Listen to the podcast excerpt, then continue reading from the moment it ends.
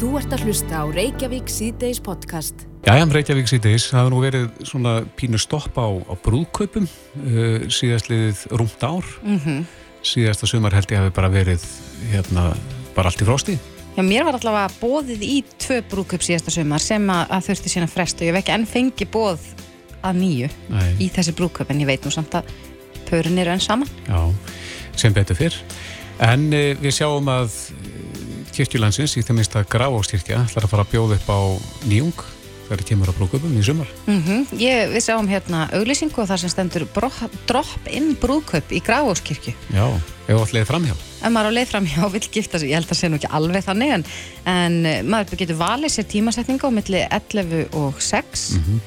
og ég held að maður getur bara mætt og, og gift sig. Þetta Er þetta bara eins og í Las Vegas? Já, nánast, nema í Grafókskirkju. Já. En það stendur hérna fyrir ykkur sem hafið alltaf ætlað að gifta ykkur en aldrei látið verða því, fyrir ykkur sem vilja gifta ykkur í falleri kirkju, fá fyrirbænir og blessun en vilja ekki mikið tilstand og fyrir ykkur sem vilja gifta ykkur. Á línunni hjá okkur er eh, presturinn í Grafóskirkju, hún Guðrún Karls Helgudóttir. Kom til sæl. Sælu blessuð. Þetta lítur að vera, er þetta nýjung hér á landi, svona drop-in brúðkaup? Já, ég held að þetta hef ekki verið gert hér áður. Og, og hvers vegna farið af stað með þetta? Það er einmitt nákvæmlega þessar ástæður eiginlega sem þið voru að nefna þetta með að, að kannski að fólk, svona fyrir fólk sem alltaf hefur ætlað að gifta sig en aldrei látið verða því, að nú er bara komið tækifæri til að drífi í þessu eða láta verða af þessu. Mm Og svo er náttúrulega líka kannski þetta með COVID að það er búið að vera fresta svolítið hjónavíslum síðasta árið og þannig að nú erum við kannski svona bara svolítið að bjóða upp á þetta að koma í kirkjuna og þau þurfið ekki að hafa mikið tilstand, heldur bara koma hérna með ykkar nánustu eða bara tvö og, og gera þetta í fallegu umhverfi. Hvað þarf langan fyrirvara? E, það þarf bara fyrirvaran sem þarf til að fá vottor frá þjóðskrá. Það þarf að sækjum e, hjúskapastöðu vottor sem er svona eiginlega leiðisbref. Það sem kemur fram að þú set ekki giftur öðrum til dæmis. Og það þarf einhverja daga í það. Og þeir getur sótt, það er að sækjum það bara ráðrænt á skrá.is. Já, en uh, þetta er, þetta er auglýst hjá ykkur 20. og 7. júni. Hvernig hafa mm móttökurnar verið við þessu? Er einhver búin að, að hafa samband við ykkur nú þegar? Já, við erum komið nokkra skráningar, ekkert mjög margar en nokkrar, þannig það er svona nokkri tíma sem eru orðinir uppteknir. Þannig það er, sko, ef að fólk vil fá ákveðin tíma, þá er gott að hafa samband fyrir fram að bóka, en það má alveg koma bara við og, og án þess að bóka, en, en þá þarf samt að vera með þetta vottor. Það er svona, það er skilir, það er eina skilir. Já. Hefur þú farið til Las Vegas? Nei, ég hef ekki farið til að sögja. Nei, Svo, ma- ég hef maður- ekki farið í drive-thru til dæmis. Nei, er það næst? Bílalúan? það hefur allavega komið til tals hvort að við ættum kannski næst að bjóða upp á sko hjálpa fólki að finna maka líka. Já. Já, Sumir setja það fyrir sig að þau vantar makan kannski. Já, en uh, segðu okkur hans frá því hvernig fer þetta fram?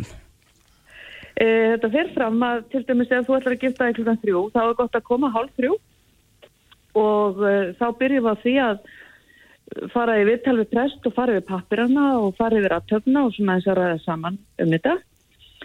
Svo getur við farið og, og gert þig enn fítni að þið langa til fyrir aðtöfna og svo bara byrjum við og það er organisti á staðnum. Þannig að það er í bóði að fá brúðamarsinn og svo leis og það er ekkert ósk eftir ykkur öðru svona innan eðlilegra marka bara og hver veit nefn að spili eitthvað aukalega sko. Óttist þið ekki að, að þetta getur orðið flip hjá ykkurum og maður hefur nú þekkið það nú að alveg í bíómyndum að, að, að fólk kannski í annarlegu ástandi gifti sig og átt að segja á því síðan allt og sent að það hafi gengið í hjónaband. Já, einmitt. ég ætla að, ætla að vona að fólk mæti bara alls gáð svona álega degi svona, uh, já, ég, ég vona það nú sannlega. En það er kannski ákveðin fyrirstað að maður þurfa að vera búin að sækja um hjá þjóðskrá og vera með tilskilin uh, leiði. Já, það er ákveðin, ákveðin stoppar í því. Já, og þetta er ekki svona kannski, þú veist, kirkjan ekki staðsett þannig að hún sé svona við hliðin á einhverjum djamstöðum og að fólk sé svona að koma heima á djaminu og ætla að gifta sig. Einmitt. Ef þetta gengur vel, hvað, hvað gerist þá? þá getur verið að við bara fórum að bjóða upp og þetta kannski til þess að árið eitthvað svo les.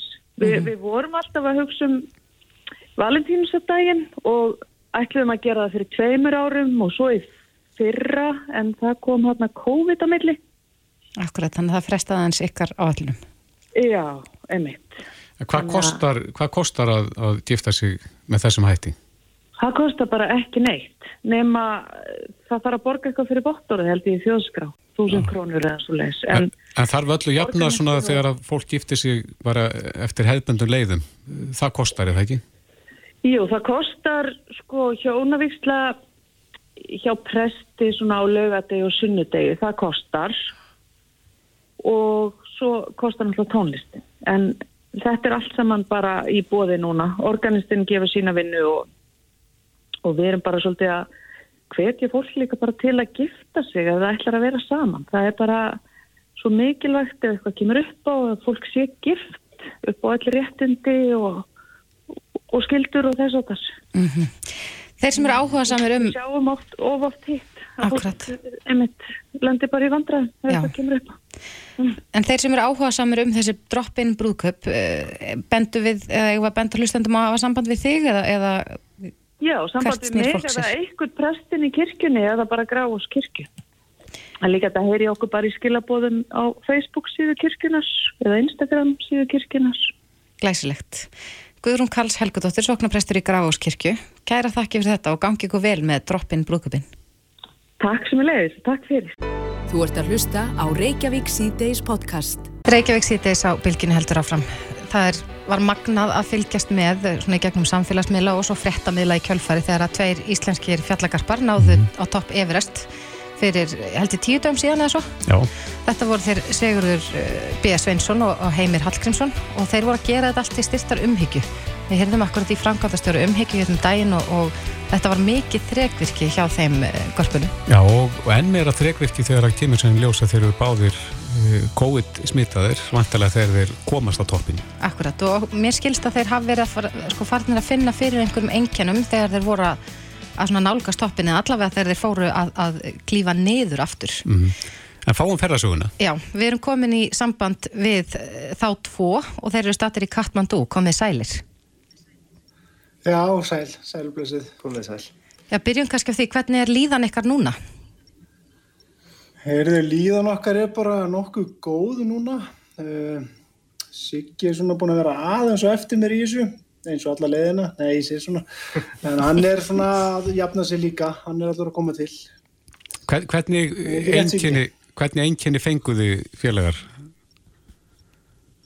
Já, sko, þetta byrjaði kannski með svona smá hósta, hóstakasti. Uh, ekkert, ekkert alvarlegt. Uh, við átt, gátum ekki greint það strax að þetta væri veiran sjálf. Við vorum búin að vera að passa okkur vel á fjallinu og tókum testa árum fórum að stað. En hérna, já, það, við, við tengdum þetta bara við súrefni af því að þetta kom mjög svipið um tíma og við byrjuðum að nota súrefni og, og sérparnir sögðu okkur að það væri svona eðlilegt að fá eitthvað kláða í, í lungu og hérna, séðan var það ekki bara fyrir en uh, myndi segja bara á leiðinni niður þá, þá voru svona að koma beinverkir og, og skjáltaköst og, og þessi svona almennu enginni COVID Samt svona, þetta kemur samt, eh, við förum að finna, eins og segi, við finnum aðeins þarna í búðum þrjú og svo í fjögur. Það erum við að finna fyrir hóstöðru sem við höfum ekki fundið fyrir. Svo eðlilega svona kom upp spurningar uh, þegar þetta COVID er allstaðar í kringum hann. Og við svona hefðum, vorum búin að ræða þetta okkar á milli að þetta gæti verið möguleiki, gætum ekki útilokað allavega. Og þetta auðvitað gerði að verkum að við fylgdumst enn betur með heilsu hvors annars og allra í teiminu bara hvernig líðan væri uh, af því að þarna eru við komin í hæð þar sem að engin þyrla fer. Svo við þurfum að geta verið fljótir að bregðast við ef að veikindi verða verri þá þurfum við að vera snöggir að fara niður. Akkurat, var, kom einhver tíman eh, upp í svona umræðan á milli ykkar að, að reynilega halda ekki á toppin eh, út af veikindunum? Ég, ég held að sko það var, við vorum alltaf á tánum gagvart við vorum mjög, reyndum að vera mjög auðmjúkir sko bæði gagvart aðstæðanum sem voru á fjallinu og voru fyrir eitthvað krefjandi aðstæður um, og náttúrulega ekki bara endilega þessi veikindi heldur líka bara hvernig hóknu var að líða og orkuleysi sem við vorum búin að verða fyrir uh, að við vorum svo lengi mikillega hæð. Þannig að við reyndum alltaf að vera á tánum og einhvern veginn fundum við báðir og rættu það hjá okkur og við vorum alltaf sátti með það sem við höfum náð. Og við ætlum bara að halda áfram meðan okkur leið vel með það og, og treystum, í, já, treystum á það með öryggi í fyrirrumi. Þannig að hérna, já, það var alveg, myndi ég segja, stanslust í umræðinni en okkur leið ekki það illa og orkan var ekki það lítila við, við ákveðum að fara frá þessu út af þessum veikitum. Þið hefur vantilega verið með ættingja og ástuðinni heima sem að hafa haft áhyggjur? Já, áhyggjur, jú, ég veit að fylgist fólk grann með og, og við náðum að koma skilabóðum uh, daglega á fylgskyldu okkar gegnum garmintæki, uh, samskiptatæki sem voru með báðir. Svo að uh, það voru svo sem allir upplýstur um að staðan var alltaf góð. Við settum okkur aldrei í þá stöðu að það væri einhvers konar spurningamerki með heilsu eða, eða annað í hóknum. Við vorum mjög vel búnir eins og þegar mættum í búðir fjögur sem voru mjög ítla farnar. Ég myndi segja svona 80% af búðunum voru ónýtar þegar, við mættum að svæði út af vind í Sáðkól. Uh -huh. Þá gáttu við beðið á okkur sólarhing sem að flestir aðri get ekki. Við vorum auka súræfnispyrðir sem við gáttum sótt í. Eh, þar alveg vorum við í hvað tvær nætur í kampfjórum og, og þarna í kringum Top Everest svo við náðum að býða okkur heilan dag, komast í betra veður, svo að ég tel að allar, allar ákvarðana hafi verið réttar teknar hjá okkur og hópnum í þessu ferli. Já, svo, en þið farið síðan á toppin og hvenar, hvenar farið þið í COVID-prófið? Er það þegar þið komið aftur niður í búðunar? Já, við sagt, náum toppnum hérna klukkan halv fimmu um nóttina, 24. mæ við förum þá strax niður í búði fjögur og þar kvílustu við bara rétt í klukkustund þar sem að súröfninsbyrðið voru að klárast. Förum þá niður, alveg niður í búður tvö svo við vorum að ferðin í sólaring sem að tók gífulega á. Þetta, þetta var langur dagur langur strempi dagur um, í búðum tvö þá ákveðu að kvílast aðeins þar en ákveðum að koma okkur svo fljóðlega stað eftir að Sigurður þá fer hann að vera verri og svona fer að veikjast meira. Mm -hmm. Það er ekki fyrir við komum niður í grunnbúður þar sem við höfum tækifæri að taka frekari próf Akkurat. og kanna sem að sínir þá að þetta sé niðurstafan. En ég verð nú að fá að staldra aðeins við á toppnum. Hvernig var tilfinningin? Þið voru búin að vera í þessu ferðalagi síðan í mars ekki satt að reyna að komast á, á topp Everest og með þessa kvartningu sem að, að þið voru með að sapna til styrtar umhyggju. Hvernig var tilfinningin að, að ná lóksins toppnum? Já, þetta var rosalega sérstök til, tilfinning. Maður er einhvern veginn búin að sjá fyrir sér svona svolítið rómatekki í því og mikla gleði og fagnaðalæti að komast þarna upp á topp og við erum búin að vera að reyna að sjá okkur, fyrir okkur svona að fara í smá hugaleikfinni með það. Mm -hmm. en svo þegar við komum á toppin á þessum tíma það, var, við, við komum þarna alveg í sagt, eh, dagskiptunum. Þannig að sólum var að byrja að koma upp og það var rauð, rauð tungl alveg skjar rauðt og, og vindurinn var að byrja að rýfa sig upp aftur. En maður var bara svona, þetta var svolítið svona óttablendin tilfinning, maður fann það að maður vildi eiginlega ekkert staldra mjög lengi þarna við, það var bítandi kuldi og frostbytsaðastæður og ég einhvern veginn, ég held að maður var, var alveg gladur í hjartanu en maður hugsaði bara til þess að það þurfti að komast örugur niður þannig að það voru engin, það voru engin fagnadalæti ennþá sko. Það, mm. Þetta var, já þetta var rosalega sérstök tilfinning, allt öðru seldur en ég hafði séð fyrir mér. Mm. Það er svona ennþá að reyna að melda þetta aðeins. Við finnum fagna þegar COVID er verið búið og, og, og búin að jafna okkur þá tökum við á skálum fyrir þessu Já, en eins og Þórtís nefndi þið fóraðan upp uh, með verðugt markmið að, að sapna fyrir umhyggju eh, Hvati það ykkur áfram? Já, ég alveg eindreið. Þetta var, þetta var rosalega sérstætt klifur, mér einhvern veginn líður eins og ég haf ekki verið að klára klifur, þetta var bara svo mikið lífsreynsla og það var svo mikið mótlæti en samt einhvern veginn gengur hlutir upp. Uh, ég var búin að vera að snúa mér, nýju og var mjög tvísitt með hvort að, hérna, að nýju myndi halda allavega upp þannig að við reyndum að halda okkur alltaf bara svona á jörðinni. Mm -hmm.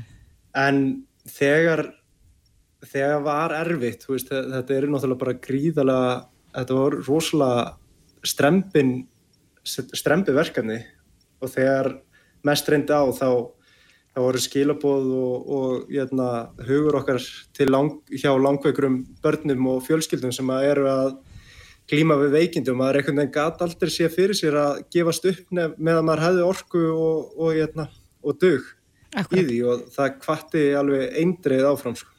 Já, við fengum rosalega mikið að fallegum skilabóðum sem að ítti, ítti enn frekar undir þegar krafta að halda áfram og, og klára verkefnið mm -hmm. þó auðvitað helsa væri númið 1, 2 og 3 en, en það hafði fyrir mitt leiti alltaf gífilega áhrif e, í þessu klefri og, og, og bæði andlega og líkamlega bara komast upp.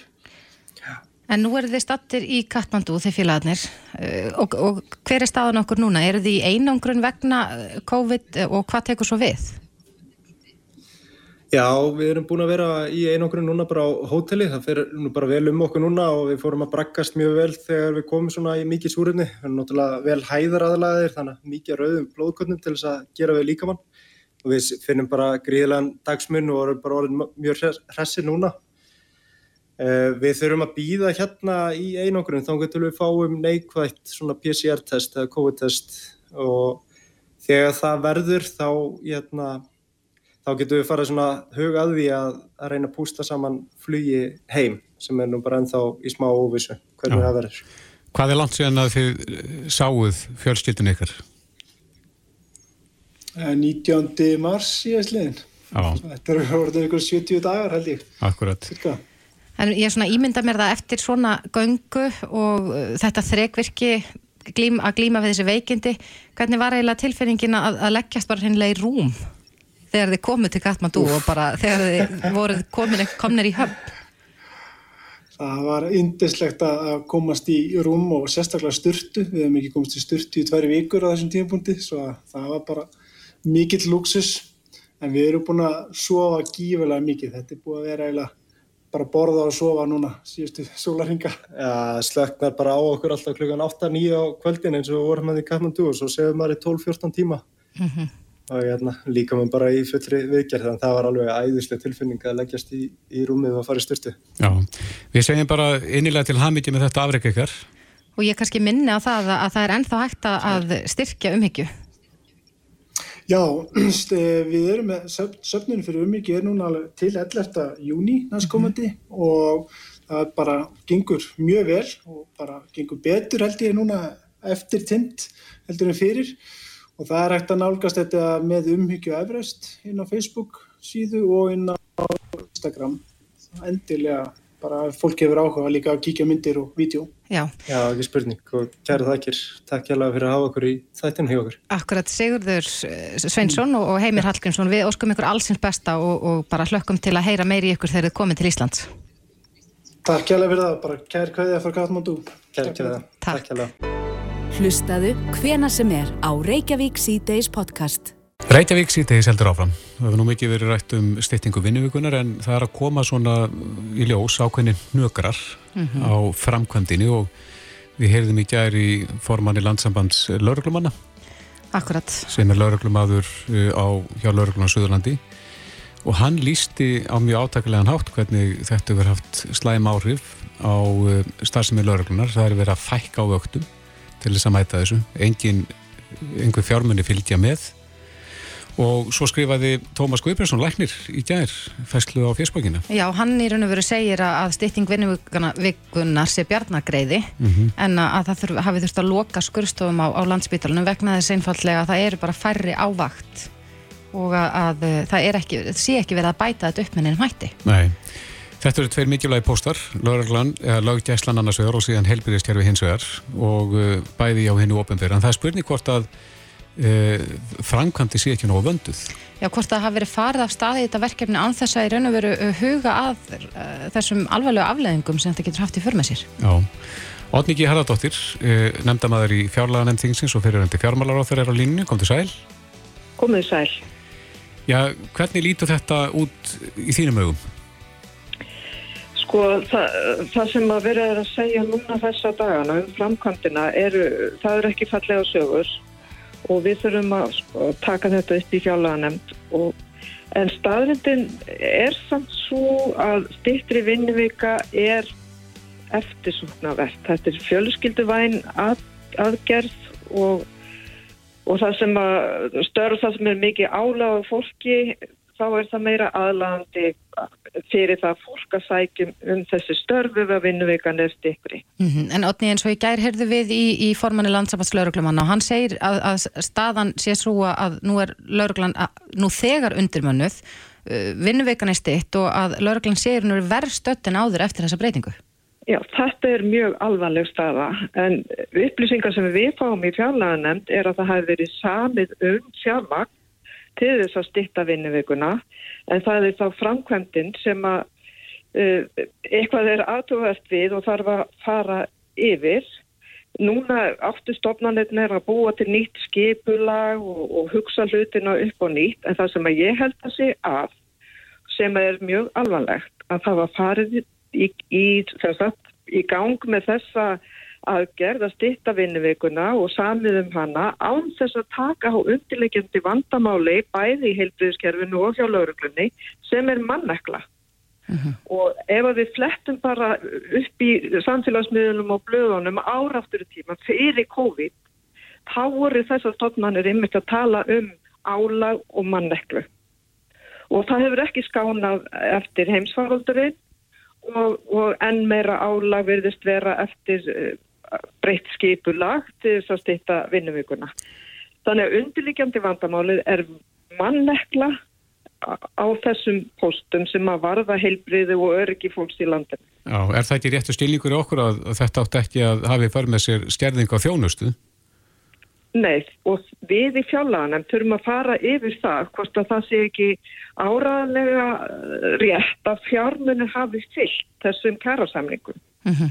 Eitt af því sem að, að, hann fjölnir segir bæði, sagði við okkur í gær og í grein sem hann byrti inn á vísi.is er að fjármálraðaniti verða að standa við samkómulega um að fjármagna það mönnunar gat sem myndaðist fyrsta mæð þegar þetta tók gildi. Eh, þannig að allavega virðist skilningur þeirra að vera að sá að það hafi ekki fyllt fjármagn með þessum breytingum. Já, og það er bara mjög alveg. Við í fjárlaganum töfum eftirlýðslutverkja gegna og þurfum að, að kalla eftir skýringum hvað þetta varðar. En mín tilfinning er svo að í rauninni hafi mönnunavandin og manneklan verið til staðar og þess vegna séu þetta enn erfiðara að framkvæma þessa stýttingu og það er skipilagsbreytingar sem að þurfa að fylgja henni. Mm -hmm. Er tímasetningin eitthvað undarleg þar sem að, og kannski óheppileg þar sem að uh, það er að bresta á sumafrí og uh, margt óreint fólk að koma inn kannski í sumaraflýsingar eins og til dæmis í lauruglunni, við heyrðum það ekki ær að eh, margir ómentaði laurugluminn er að detti inn á þessum tíma og sama tíma og það vantar mannskap. Já, það má vera að, að það skipti einhverju máli en bara það sem að blasi við okkur, fólkin í landinu, við getum ekki sætt okkur við að bygglistar lengist í heilbreyðiskerfinu vegna styrtri vinnuvíkur og við getum ekki heldur sætt okkur við að, að, að öryggi vegna mönnunavandi í lauruglunni verði og verði eitthvað minna vegna styrtri vinnuviku það þarf að tryggja fjármagn og mönnun til þess að uppfylla kærasamningarna sem við búið að gera. Mm -hmm. Mynd þú taka þetta mál e, fyrir í fjárlæðanemdini? Já, ég mun gera það. Hvenar e, byrstu við að það veri gert? Við, ég mun strax orða þetta fundi á morgun og ég veit að, nefndamenn hafa verið að ræða þetta sín á milli þó það hef ekki formlega verið tekið upp á fundi Því þetta er eitt af þeim atriðum sem við þurfum þetta, uh, okkur byrð skilda til að gæta að vegna þess að við höfum eftirlýrslýturska gegna. Já, Ótniki Haraldóttir, þínkona samfélgningarinnar. Kæra þakki fyrir þetta. Takk fyrir. Reykjavík síðdeis á bylginni. Við erum komið hér til fundar við eh, Hjaltam á Björnsson, yfirleiknir á bráða deildarhæki, landsbítalans, hér í fórsvæðinum og, og það sem að eh, vekur svona upp þá hugmynd sem hér er að verða raunveruleika aðeins að skiknast inn í þessa veröld sem að e, hjólreiðar og öll þau faratæki sem eru komin til sögunar í setni tíð, mannana faratæki fyrir fólk á öllum aldri, e, hefur breytt framvendinni tölverst og e, margar jákvæðar hlýðar á því að það sé hjólað og, og vistvænar aðferðir notaður við það að komast leiða sinnar á höfuborgarsvæðinu svo dæmis ég tekið. En, en e, það eru því miður slís í þessari umferðins og annari e, er þetta, er einhver skikkana á þessum málarflokki þessum eru hjólandi? Rafhjól, skuttlur ég veit ekki hvað allt þetta heitir Já, já, það er ágætti skipulega á þessu og heilmikil öryggismenning og sem betur fyrir eru lang flestir vegfarendur sem að fara varlega og sína tillitsemi umferðinni. Mm. Öllum sem að fólk tekur sér fyrir hendur má segja fylgir einhvers lesahætta og sérstaklega þegar kemur á samgöngum og örflæði hvort sem það er á rafskútum, hlaupahjólum, reyðhjólum eða öðru fylgir slísatíðinu eins og allt annað mm. um, og eins og við erum að búast með aukningu í nótkunna á þessum sangungum átta þá hefur slísum eitthvað aðeins fjölkað en þetta teljum við samt ekki vera stort vandamál uh, í dag mm. lang flesta þessum slísum eru minniháttar og það eru afar sjálfgæft að þeir séum lífshættulega áverka að ræða og þegar borðið er saman við eh, bílslýsin sem eru náttúrulega lang uh, stæstu og oft algengust og þingstu málinn sem við erum að fást við að þá er þetta uh, í raun og veru ekki stort vandamál. Nei. En maður hefur stundum hérsta því að þegar að óhöppun og, og slýsing verða í þessu minni áttar og meiri áttar að, að tryggingamál já það er kannski spurt um það þegar að slís gerist og, og í fjölskyldun er, er, er spurt um það er, er þetta til, til í dæmuna að þetta sé inn í fjölskyldutryggingu? Nú er þetta bara eiginlega komin út fyrir mitt sérsvið þannig að ég hef eiginlega bara ekki þekkingu á því hvernig því er hagað það verða eiginlega bara aðra að svara því sko. mm, mm. En þessir tímar sem við lifum þeir hafa framkallað margar tegundir af, af hjólum og öðru slíku. Sérðu eh, sérðu einhvern einhverja hvað er að segja áherslu breytingu þegar kemur að, að slísum eh, þegar þú horfið til þessara hjóla sem eru bæði stór og lítil og kraftmikil og, og veik brúða og svo framvegis Já, já, slisamunstrið er náttúrulega öðruvísi af uh, þeim sem eru á uh, rafhlaupahjólum eða reyðhjólum heldur en þegar fólk er á bílum. En eins og ég segi þá er þetta langa oftast vægari slis og í fáum tilfellum alvarleg. Mm. En, og síðan er líka að umferðarmenningin er að læra betur inn á þetta. Mm. Við búum það við það förðulega ástand að borgin okkar hefur síðustu áratvíuna eiginlega engöngu verið hönnuð miða við að fólk ferðist annars vegar gangandi eða á tveggja tonna stálflikki í bíl sem er algjör óþarfi fyrir mjög stutt, stuttar vegalengdir innan bæjar en núna er sem betur fyrir fólk að vakna til meðvitundar hversu mikið rögl það er að keira á bíl stuttar vegalengdir og fólk er að nota meira þessi léttu faratæki í stittri ferðir sem er umhverfisvætna heilnæmara og miklu betra að öllu leiti en það er ekki nema, við erum ekki nema í, í, á miðja vegu með það að breyta skipula í borgarinnar til þess að styðja við þetta. Þannig að við sjáum svolítið af slísum sem verða vegna þess að það vantar að hreinsa hjólastíga og að það eru kántar og annað sem að er að hindra fólki að nota til dæmis rafskútunar. Mm -hmm. Þannig að, að þetta er eitt þátturinn sem við þurfum að bæta okkur í. Hjólar þú til vinnu? Ég hjóla alla dagar til vinnu og hef gert í aldarfjörðung og eh, eftir eh, þann tíma sem bjóði í bandaríkjónum þá læriði maður það hversu hörmulegt það er að vera í samfélagi þar sem allir ferðast um á bílum og hér er það mikill kostur hvaða er auðvelt og á 15 mínútur á reyðhjóli þá kemst maður mjög stóra hluta af öllu höfuborgarsvæðinu. Mm. Jamt á að vetri sem sumri? Ég hjóla allt árið, já. Mm. Á nagladekkjum og keðjum þess vegna?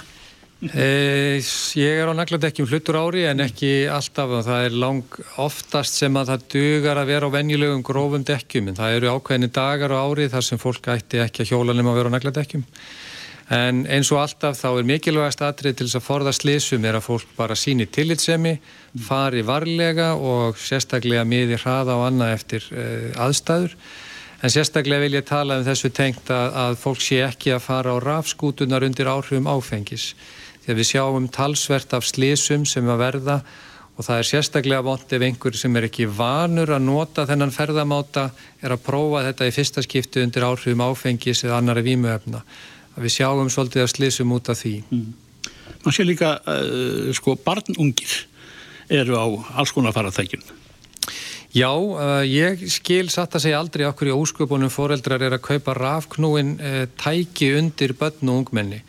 Uh, þetta lið hefur bara gott að því að mínum að að ferðast um fyrir eigin jélarafli og ef við erum að eigða peningum í að kaupa rafknúin tæki þá fara þau bara hraðar, þau eru líkleri til að slasa sig og þau fá minni þjálfun út úr því þannig að ég sé bara galla við það mm.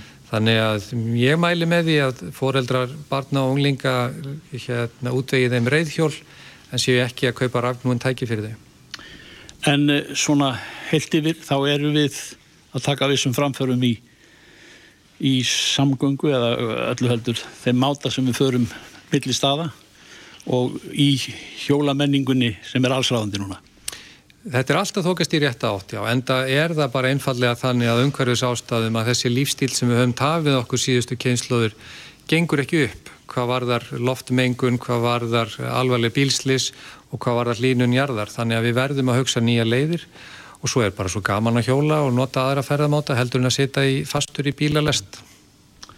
Hjalti Már Björnsson, yfir maður. Bráðavaktar, kæra þakkir þetta.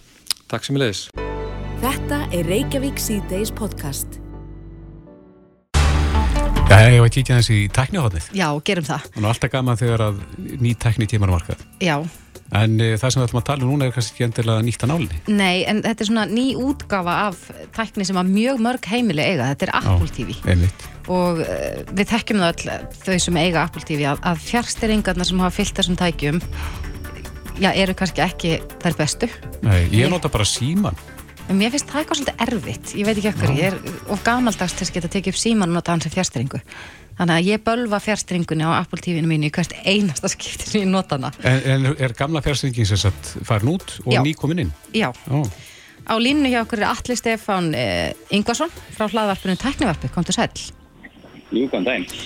Jæja, nýtt Apple TV og betri fjárstring. Hvernig á þessi nýja að vera betri enn svo gamla? Sko, það eru nokkri hlutir hérna sem er búið að laga sem hafa plagað okkur aftur kífi notunduna lengi. Ég var nú bara, kefti mér á fyrsta degi, hérna, strax á þetta lendi, hérna í Nova í Lambóla, það bara skemmti mér og kefti strax Apple TV, en það er eiginlega enga breytingar á sjómanbunu, en fjárstringin, hún er, fyrsta lagi, hún er stærri, sem var, var ekki myndið að spyrja þig okkur það betra. Mm -hmm. En gamla fjárstringin, hún var svo mjó og lítil að hún átti til með að testa hann á milli í sófunum og, og, og, og undir eitthvað og bara hverfa. En þessi er aðeins stærri um sig og hún er núna úr áli. Uh, í dag, hún var alltaf úr með svona bakáli, en núna er hún komin í svona, hún er allt bóttið úr áli, mm -hmm. nema takanir. Svo er aðeins búið að breyta tökkunum. Uh, hérna, það er búið að bæta við on-off taka. Uh, það var áður hægt að slökka á öllum tækjum, eða svæföld tæki, með því að halda inn í skjáttakanum og gönnfjárstringunni. Núna er komin bara dedikerað tæki og sá tæki slekkur öllum tækjum eða svæfur öll tæki sem eru með sjónabunni. Þannig að þau eru að nota ark fengið á, á sjónabunni eða eru búin þá á alltaf að fara með því. Mm -hmm. En er einhver munur á, á myndgæðum með þessu nýja Apple TV? Sko það er örlítill munur. Uh, þetta, núna þetta Apple TV mun stiðja uh, 4K HDR 60 sem er í rauninni hefur stutt áður sem 4K HDR 30 og munurinn þarna er bara að það eru fleiri rammar Mm -hmm. og það hefur svolítið búið á því að, að það er búið að fjölga römmum í ímsu efni það sem eru á YouTube. Mikið efni það er í 60 römmum eins og þegar fólk eru á tölvuleiki þá eru þeir átt í 60 römmum. En það er svona ekki rosalega mikið búið að gerast þessu samt í kveikmyndum eða þáttum en mun kannski gera í Já, en e, svo sem ekkert annað neitt nýtt og stærsta fréttin er fjárstyringin Já, algjörlega og hérna ég er búin að prófa fjárstyringun og ég er ánægð með hana uh, hérna kljóðnematakkan á hliðina sem sem er mjög þægilegt ég var alltaf að reyka síðan og kveikja sýri Mm -hmm. nú er hann bara komin frá og svo er búið að breyta menjutakanum í baktaka sem menjutakin hefur raunar, raunar verið alltaf verið Mhm. og svo á playtakanum eru komnar þessar menn, þú ítur að play í, á ákveðnum stöðum í leðakefni þá færðu líka upp valminn. Já, þeir sem hafa verið að nota síman til þess að stjórna þessum tækjum, eh, er þetta eitthvað breyting fyrir þá? Fa Nei, fara þeir, halda þeir sér áfram við símana? Já, ég get ekki það, ég get ekki það, alveg klálega. Alli Stefán Ingvarsson, kæra þakki fyrir þetta og við hlökkum bara til að prófa þetta. Já, erum Reykjavík síðdeis á Bilginni podcast. Reykjavík sýttis á bylginni heldur áfram. Um, það var aðteglisverð grein sem byrtist inn á vísi.is í dag. En þar er formaður ADHD samtakana að, að tala um þessa bygglista sem að myndast fyrir fullorðna hjá ADHD teimi landsbítalans. En þetta er þá fyrir þá sem að, vilja komast í greiningu eða, eða fá meðferð vegna ADHD. Já, ætlaði þessi aldingar að, að fullotni séu með ADHD í dag eða vil fólk bara láta greina sig? Það er góð spurning. Ég held einhvern veginn að, að, að það séu þetta fleiri sem að greinast með ADHD núna heldur en gerðu, á, gerðu áður. Einmitt. En, en ég er ekkit endilega vissum að ADHD sé algengar. Það er nú eiginlega ákveðin pæling sem ég hef ekki svönum við. Nei, en kannski ef hann að svörin, Vilhjálmur Hjálmarsson, formaður ADHD samtakana sem er komin til okkar, velkomin. Takk. Ja, langi bílistar, eru þeir bara lengjast? Já, þessi bílisti hefur bara lengst. Já. Sko, það er ekkit algengara ADHD núna en, en áður, menn bara vita meira um það. Mhm. Og hérna, ég heitir um skrindur árið 2000 og þá var minn gæðlegna sem reyndar hafði þekkt þetta lengi í gegnum, uh, gegnum hraunið og geðdildir, rétta geðdildir. En hann var þá frekar nýbyrjaður að greina fullóta. Og hérna, þetta er svona að verða að koma að menna vátt að sjá þess að þetta eldist ekkit af manni, kannski helmingur hólki losnar við svona helstu engirinn einhvern tíman upp úr 20 þetta er tauga þroskáröskun, heilin er að breytast alveg fram til 25 aldurs Skerðir þetta lífskeiði? Það getur gert það það eru til margar rannsóknar sem að sína sko lægri æfi innkomu menn haldast síður í starfir og flakka mikið á milli og þarfandi göttunum Ég til dæmis vann til, hvað ég, 33 ára 2000. Ég hef aldrei verið lengur en einu stað eh, en eitt og halvt ár. Nú er ég reyndar komin í 21 ár en, en hjá átta fyrirtækjum en það er sæg og baku það, sama, sama starfið. En eh, er hægt að læra að lifa með þessu? Maður er oft heist að svona að kannski Já. eldra fólk segir bara ég, að ég er bara búin að læra að lifa með þessu. Ég vil alltaf vita að ég sé með eitthvað og... Og eitt af mikilvægast við greiningu er að vita stöðuna. Og er það ADHD, er það eitthvað annað eða bæði eða, eða ekki neitt? Og það getur unnið út frá því. Hvort sem þú kýst að fara sín í, í meiri meðferð hjá sálfræðingi eða, hjá geðleikna og, og hérna með liðu meðferð um skemmrið eða lengri tíma. En aðalatrið er bara að komast að því hvort þetta sé svona og þegar hérna þeir setja saman ADHD teimi sem smá tilrun hvað 2013 en síðan það hefur bara verið vanfjármagna og svo gefið úr og í og þetta átt að taka yfir alla greiningar og það bara var ekki hægt og meðan náttúrulega sko leðst bygglisti álægið á starfsfólki verður þannig að það hættir. Og það er bara það er löngu þekkt vandamála að það vantar geðleikina hér á landi. Það eru nokkri sem er að byrja eða, eða frekar nýbyrjaðir í senamannu, það tekur tíma að fá þá inn.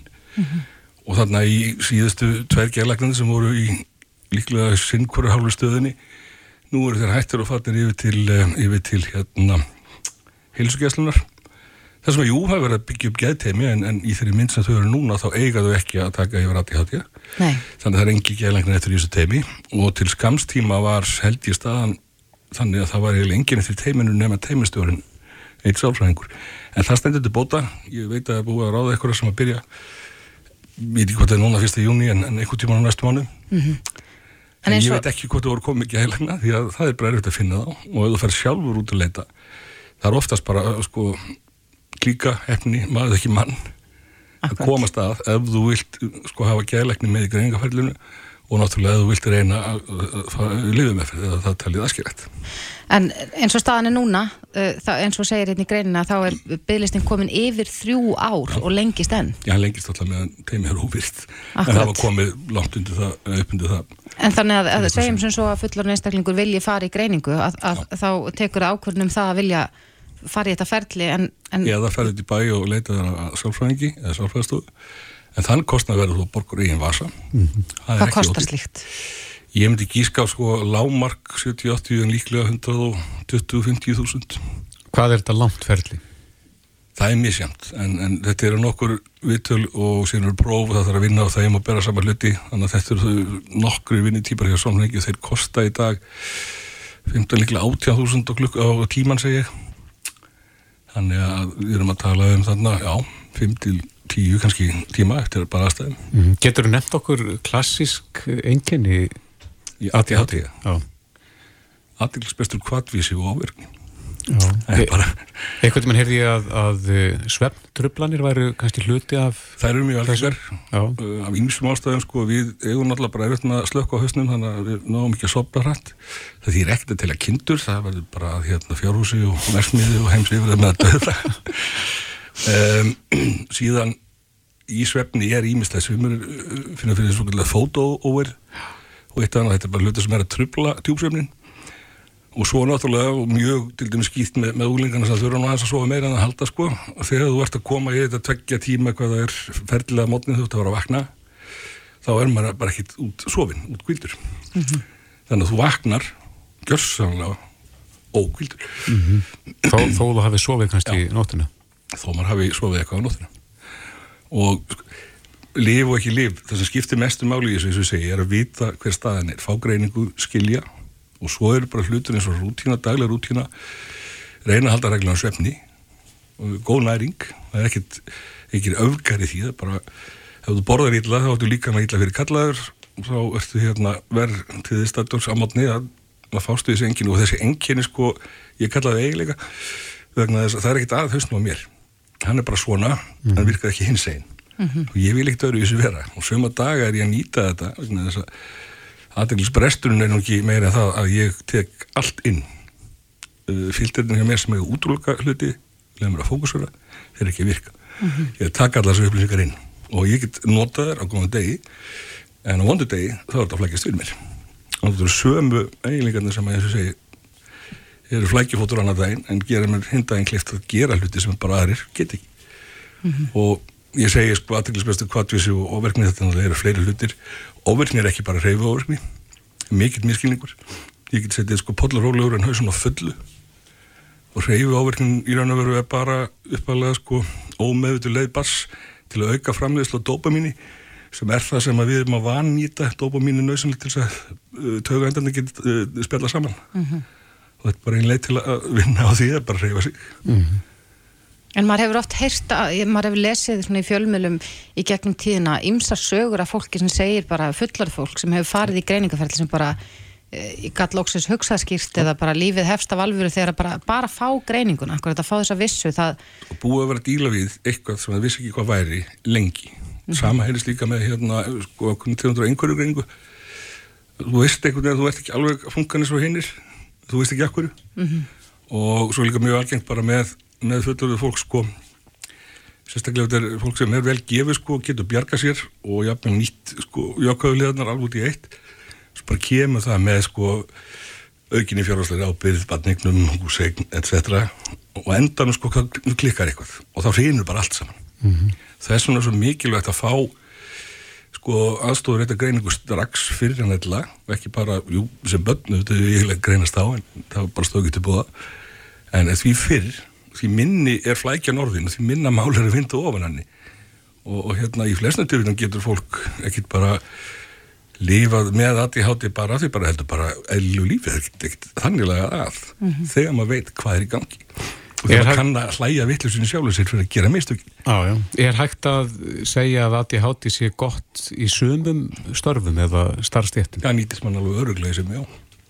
Já Ég, ég myndi segja sko, ég er kannski vondur á hérna færibandunum þá fer hausun eitthvað allt annað að ég passa mikið en ég er kannski mjög góður ykkur allt öðru og, og já, eitt af því sem ég hef lert á þessu síðustu 20 árum og er að hérna er að átta maður sko hvar hvað henda mér ekki og hvað er sterkur og reyna þá að forðast þar aðstæðu sem, sem að henda mér ekki eða vinna með fleirum og, og hérna lifa öðrum að gera þetta og ég skal gera hitt.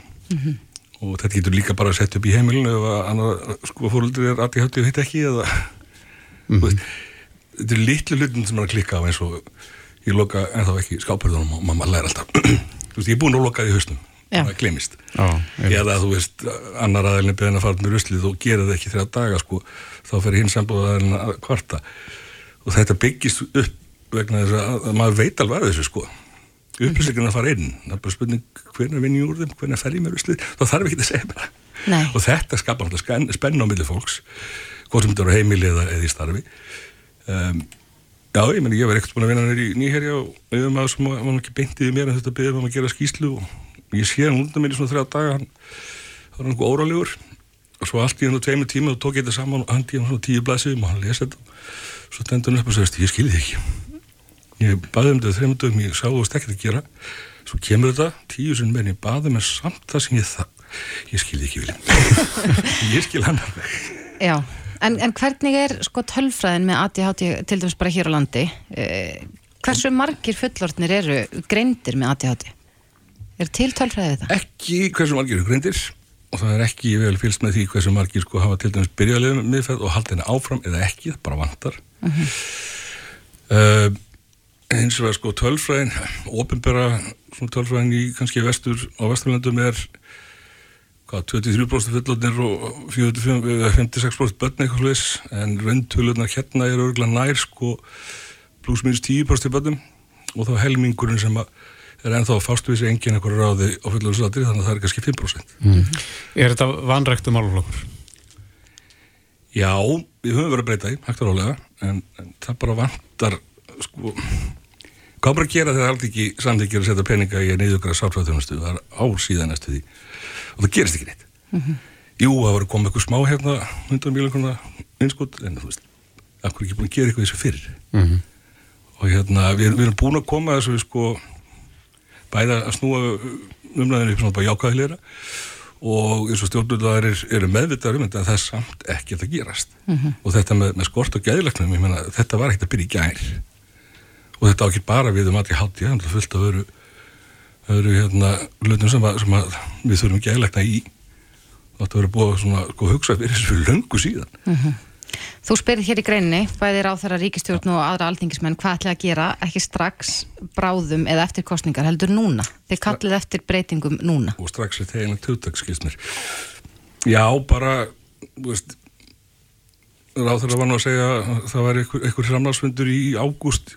Come on, hvað verður að gera núna og hvernig, hvernig stendur á því að þú veist í næstu ár er samþygt frá alþingi sko ekkert gert í því Akkurat. og hérna við höfum reyndar átt í að, að getum samræðin við sko ráðunetti en, en þú veist hvað eru gefðirnar Víljarmur Hjálmarsson, formadur ADHD samtakana, við skulum vona að menn vakni og gera eitthvað í gerum málunum. við það ekki á endanum Jó, takk ég, er svo bjart sín Gott að heyra. Reykjavík síðdeis á Bilginni podcast. Já, góður hálsa, það er fyrsti júni í dag og, og þá er nú ekki löst við að maður horfið svona fram á veginn þegar að veðrið er annar staðar. Menn að leggja á ráðin hvernig skuli rástafa sumrinu og svo framvegis. Eh, Það er heilmikil pæling ár hvert en, en við erum ágætan mann hér sem að hefur löngum sagt okkur af því hvernig sumari verður það árið og hitt. Siggi Stormur, ég má alveg kalla þið það en þá, Sigurður. Já, já, já, já, já þetta, þetta er bara vinnuheiti sko, þetta er bara vinnuheiti og ég er bara ánæðið með það. Þannig að það er enginn að móðga mig þó að hann segi þetta sko, það er bara, en ég tek eftir að sumi fara varlega í það stundum. Já.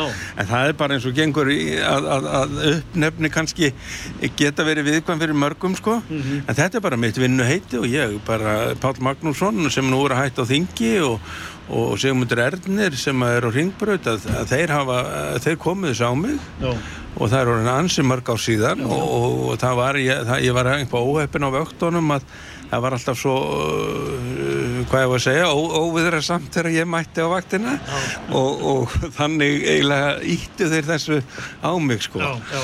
og, og, en, En þú maður samt ekki að ég sé komin til fundar við þig vegna þess að það sé stormur í aðsí eða hvað býr í sumrinu? Ég hef nú haft gaman að því, núna ég sé að þetta er nú 16. árið sem að ég skoða eh, þessi líkön og þau eru alltaf að verða betur og betri og þetta eru þessi tíðafarslíkön sem ég kalla sko, tíðafarið. Þetta er ekki dagbundanspár sko sem að, sem að eru, eru allt öðruvísi hugsaðar og allt öðruvísi reknaðar og eh, sko ef við horfum á mæ, hvernig mæ var, mæ var mjög óvennilega mánuður og kallt og það var uh, staðverðar samt alveg nánast sama veður mánuðin á enda þar til í lokin. En uh, það sem spátnar er að segja núna þessar, þessar veðurlagsspár sem ég nota mest amerísku veðurstofuna NOAA hún, hún, hún hefur þróað þetta mjög, mjög vel og uh, hún er að gefa til kynna að sumarið verði betra á Norðurlandi heldur en á Suðurlandi. Það þýðir þó ekki það að það verði eitthvað ómögulegt á Suðurlandi heldur hitt að, að meðalhiti svona, svona hitafar verður ívið herra á Norðurlandi heldur en í meðalári og úrkoma svona við eða undir meðalag og það þýðir það að, að, að þar gæti orðið uh, svona sólríkt veður og, og hlýjendi og um miðjan þennan mánuð júni þá er horfur bara á, á svona nettri nettri hittaseflu fyrir norðan.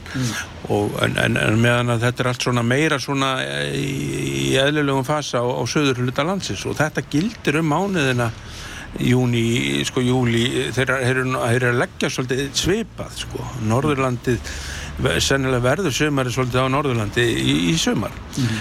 en, en ég hins vegar spáin í fyrra þá, þá gerði ég spá fyrir, fyrir bylgjuna og, og, og hún, ég var svona 70% ánaði með hana. En það gerði þarna smá smá leiðenda kapla þarna í lók, mæ, nei, lók, lók júli í fyrra og, og inn í byrjun ágúst og, og tímabili stemdi að ágúst er mjög blöytur en það rættist úr því og, en, en, en þannig ég var svona 70% ánaður með þá smá og, og, en, en þetta er auðvitað, auðvitað menn meg ekki glemma því þetta er, þetta er auðvitað gert svona til gamans að rýna í þessa spár og bera það sama frá ári til árs og hvernig það eru öðruvísi núna heldur en í fyrra og, og hitt árið og, og hitt árið og ég er bara nokkuð brattur en, en, en, en það verður, það má ekki, ekki þetta leina því að, að það verður brokkjengt á köplum hérna sunnalands, rigning og í bland við, bland við betra veður eins og auðvitað þarf ekki að segja nokkru manni. En uh, þá kemur akkurat inn að því sem að, inn á það sem að, sem að ja, íbúar höfuborgarinn á höfuborgarsæðinu eh, verða varir við uh, uh, sko og upplifa þó með veðurminninu sem er breyðult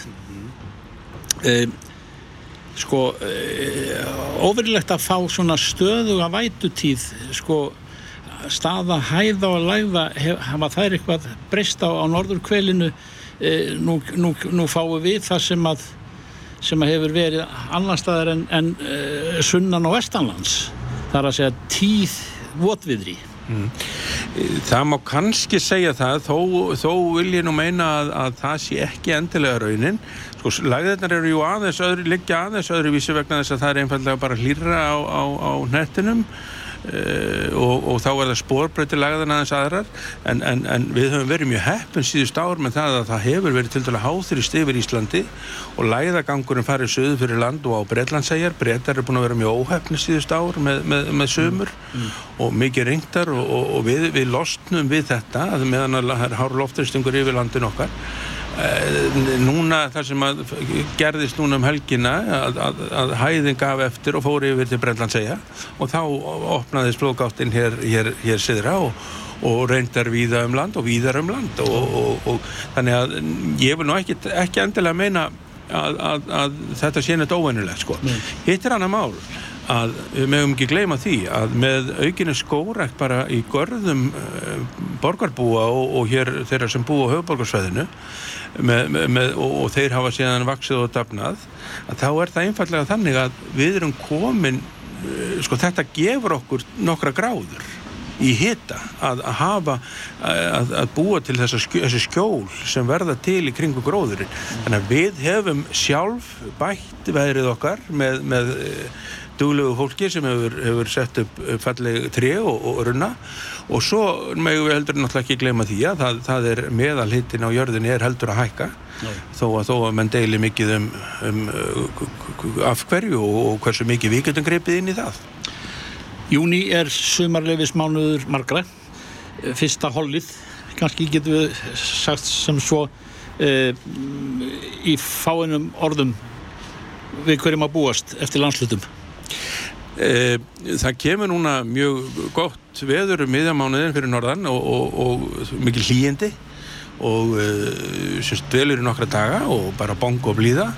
Þannig að júnimánuður sko hann, hann, ég myndi svona ef ég var í fríinu þá myndi ég uh, fara norður, jafnvel á Akureyri eða, eða eða, eða jafnvel á, á spyrki eða eitthvað slíkt sko, ég ætlum ekki að gera upp á milli, milli þar, en, en sunnlendingar mega búast við svona heldur blautara veðri þannig að, þannig að, að en svo setnipart mánaðarins þá, þá gæti komið Uh, sko, hann er svona að gefa bleitu í, í, í, til kynna.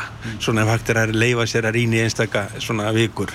En, en ég myndi segja að, að ef ég ætti að uh, væri komin í sömafrí í dag þá, þá myndi ég skella uh, sveppukonum í bílinn og tjaldinu og prímusnum og, og, og æða norður í land. Það er ekkit örvísi þó að það sé ekki sérstætt viður þar í dag núna 1. júni en þá er það, það, það, það er ekki það sem að muna engina mánuðin En sumarið í held, e, það, er, það er bara gott. Já, í heildina bara ágætt við erum, all, allstaðar með hita yfir meðalagi en þó að, þó að sé ákveðinara fyrir norðan og, og uh, rigningin hún er undir meðalagi fyrir norðan hún er, hún er svona nálagt meðalagi í syðra þannig að það er ekkert rigningasumar framöndan eins og kannski sumir, það er svona orð sem að menn kannast við, það er orðið rigningasumar en það er ekkert slíkt í, kortunum en, en auðvitað koma slíkir dagar sem betur fer, sem betur fer. Eitt í blálógin, Sigur, að ég þekki þig um langan, í langan tíma og í, í veður pælingunum öllum eh, framátt. Ertu ennþá skammaður fyrir vond veður? Já, ég var á fundi á förstu daginn, bara svo við munum kannski rifjum aðeins upp að það var snarvittlust veður hérna í höfuborgin á förstu daginn og hérna, og ég var mjög skammaður og, og átti tvo fundi þennan dag og, og hvað var eiginlega í gangi með, akkur ég var að koma með þetta. En ég svaraði þennu bara til að var þetta ekki það sem fólki var búið að byggja um, það var regning og rók til að snúa við þurkatíðinni sem var búin að vera alla mánuðin Takk fyrir þetta Siggi, gleðilegt sumar. Já, sumariðis, gleðilegt sumar, takk fyrir Þetta er Reykjavík C-Days podcast.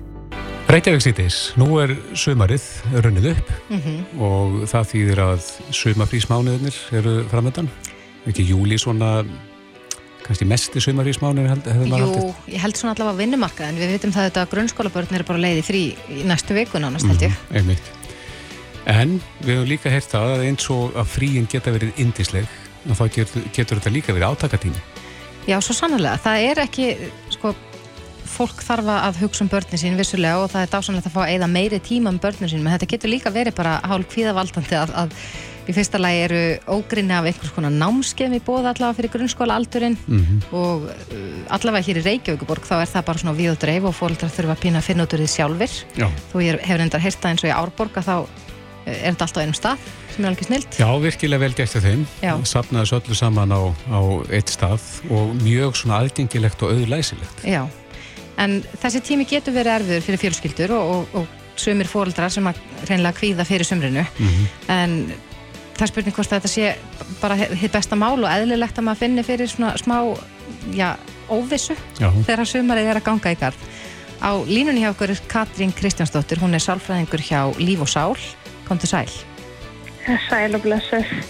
Já, myndir þú segja að væri eh, eðlilegt að- að finna fyrir svona smá ótta þegar að sumarið er að ganga í garð? Já, ég held að maður verði nú bara eiginlega viðkenna það og það, ég, maður, ég finn það alveg í vinnunni minni hérna, að það, fólk er, uh, já, bara pínu stressað og þetta er ekki alveg bara tómhamingja og gleði. Hvað er það sem er svona stressandi? Ég heyrði einmitt að þið voru að, hérna, voru að kynna mig hendileik, þið voru einmitt að tala um börnin og, og fjölskylduna og púsluspilið og þetta er bara ótrúlega mikið púsluspil. uh, eins, og, eins og sk- skólarnir þeir eru að fara í frí bara í næstu viku og ég hérna, er með einmitt eina nýjára og eina ára og er búin að vera uh, þvílikt skipulög og búið til sumar dagatal og þetta eru 11 vikur tald ég og það er alveg gríðarlega langt tími með að við að svona meðal jónir kannski með fjórar til sex vikur í sumafriði. Heldur að sé víða þannig að, að þegar fólk fyrir síðan aftur að vinna þá sé það svona ákveðin kvíld? Já, því miður. Það held ég að það sé staðrind. Að það, er, hérna, það er náttúrulega oft þannig að eins og bara, eh, ég mann til dæmis eftir því ég var í skóla hérna, fyrir nokkrum ára síðan að þá langaði mann alltaf óbúslega mikið í sumafrí og var alveg ótrúlega leiður á þessum skóla. En svo á haustin langaði mann líka alveg óbúslega mikið að fara aftur í skólan og rútínuna og svona. Þannig að það er auðvitað líka partur af því að sko við erum komin með svona alveg þörf fyrir rútínun okkar aftur og svona. En það er því miður samt held ég oft þannig að fólk bara komið þreyttara tilbaka því að það er bara búið að vera uh, brjála aksjón og, og hérna púslspil. Já, heldur að, að fullorna fólki sé, sko, sakna ekki síður rútínunar heldur en sko börnin sjálf, út af maður veita að börn þrýfast oft mörg hver á rútínu, en á það líka við um fullorna? Já, ég held að það sé alveg óvægt að segja það, að það eigi líka við fullorna. Við, við, og við þurfum alveg að mikið eða kannski ekki alveg að mikið, en við þurfum samt rútínun okkar líka. Mm -hmm. En svo er annað sem að geti spilað inn í að við vitum að þetta sumar verður líklegast eins og uh, síðasta sumar að maður ferðast mikið innanlands og, og það er nú ekki að, að getur kostað sitt að, að gista á, á hótelum og, og, og já, hægða sér kannski innanlands eins og maður sé í útlöndum. Heldur að það spili stóran þátt í þessu? Já, það spilar auðvitað líka þátt í þessu. Það er bæði, ég menna það, það kostar að vera sumafriði að hérna maður þarf einmitt bæði það að borga þessi námskeið og, og svo líka eins og þau segir að ferðast innanlands, það kostar alveg helling. Fyrir utan það að það er náttúrulega heldur ekkit allir bara í aðstöð til þess. Það þarf eiga hérna helst jæppa og, og felli í sig og eða þá að hafa efnaði að búa hótelum eða lesa sömbústaði og, og þetta er bara hellingskostnaði sem fylgir svo mm -hmm og pluss það líka, svo náttúrulega fyrir það því við erum búin að tala mikið um fjölskylduna en þá eru kannski ekki allir sem eru með það mikið neti kringum sig og það er náttúrulega getur líka bara verið ótrúlega svona kristallast svona einmannleiki líka Já. í söm, sömrinu og það er allir að gera eitthvað skemmtilegt mm -hmm. En Katin, ertu svona kannski lókin með eitthvað ráð fyrir okkur til þess að reyna að, að láta sömafríi ganga upp eins bestur áveru kosið? Já, það er alveg góð, góð spurning og það er umhverfið hægt að gera ímislegt en maður þarf svolítið að það sé rosalega mikilvægt að maður reyna að finna þetta út frá sjálfur sér. Hvernig vill ég hafa þetta og hvað er mikilvægt fyrir mig og fólki mitt í kringum mig uh -huh. og, og, og reyna að hafa sumafríð á allra fórsöndum. Mm, þá er mér rosalega, þá er náttúrulega óbúslega mikilvægt að tala saman og, og spá í því sko hvað vil ég og, og hvað vil þú og hvað vil hinnir og, og svo reyna að finna hann einhvern milliveg. En það er alveg gríðarlega mikilvægt að eigða kannski ekki fimm, fjórum eða fimm vikum í sömafrí og ná aldrei að tikka í sko ég-búbluna ná -hmm. aldrei að gera neitt fyrir sjálf á sig. En þannig að það skiptir líka máli að, að, að kannski að læra líka bara að taka því aðeins rólega, það þurfu ekki að vera skipulagt program hvern einasta dag í fríinu. Eh, já, það er líka alveg óbúslega mikilvægt og það er náttúrulega líka þannig auðvitað viljum við gera eitthvað skemmtileg með börnum okkar og fjölskyldun okkar og svoleiðis en, en það er ekki þar með sagt að þurfum að vera skipla á dagskrá alla daga. Mm -hmm. Það getur líka verið alveg óbúslega dýrmætt tími að vera í kósi heima eða gera eitthvað út í gardi eða fara bara á róló með nesti og, og svona alls konar svona þessi litlu hlutir sem að börnunum okkar finnst yfirleitt miklu skemmtilega heldur en eitthvað, eitthvað brjála aksjón sem við höldum að sé máli. Akkurat. Já, þetta eru góð ráð. Katrín Kristjánsdóttir, sálfræðingur hjá Líf og Sál. Kæra þakki fyrir þetta. Takk hella, sem leiðir.